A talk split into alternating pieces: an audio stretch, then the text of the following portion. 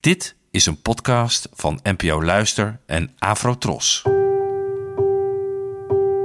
Poëzie vandaag. Met Ellen Dekwits.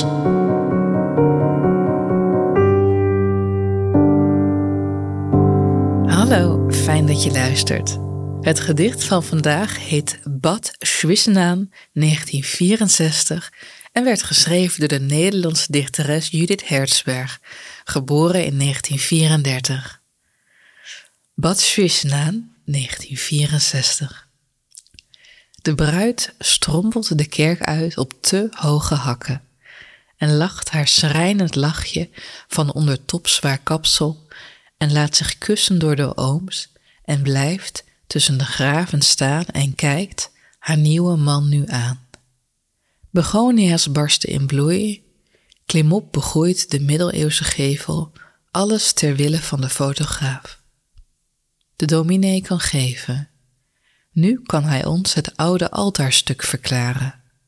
De man die Jezus slaat moet blijven dwalen, hij is het Joodse volk, de eeuwig wandelende Jood. Het laatst werd hij gezien, zegt de legende in Bremen 1510. Ik slik en vraag hem in dit warm en druk in Duitsland waarom zijn kerk de helden van de Eerste Oorlog wel, die van de Tweede niet met een plakette eert. Zijn antwoord geldt hem, mij, God, de fotograaf, de doden. Het valt ons allemaal niet makkelijk meer ons met onszelf te verenigen en door te leven. Dit is een van de bekendere gedichten van Judith Hertzberg, door sommigen wel als de grote oude dame van de Nederlandse poëzie beschouwd, en het is een heftig vers. Vanaf de eerste regel staat de boel onder hoogspanning. Er is een vrouw die strompelt en gebukt gaat onder haar bruidstooi. Haar lach schijnt. Ze staat twintig jaar na de Tweede Wereldoorlog tussen de graven op bovendien de plek die tijdens het Derde Rijk de grootste vliegbasis was van de Luftwaffe.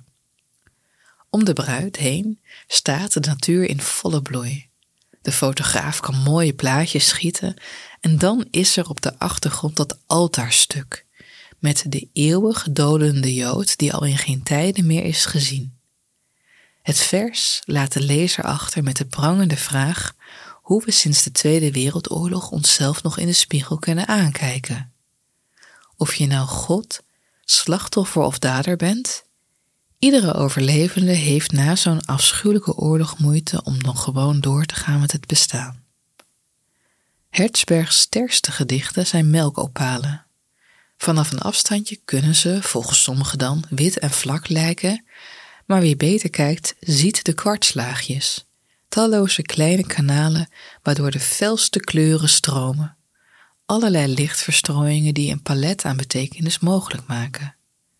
Zoals in dit vers, waar je in nog geen twintig regels van satire naar het keiharde doorleven na een oorlog gaat, dat tenslotte zelfs de meest helse tinten weer laat verbleken.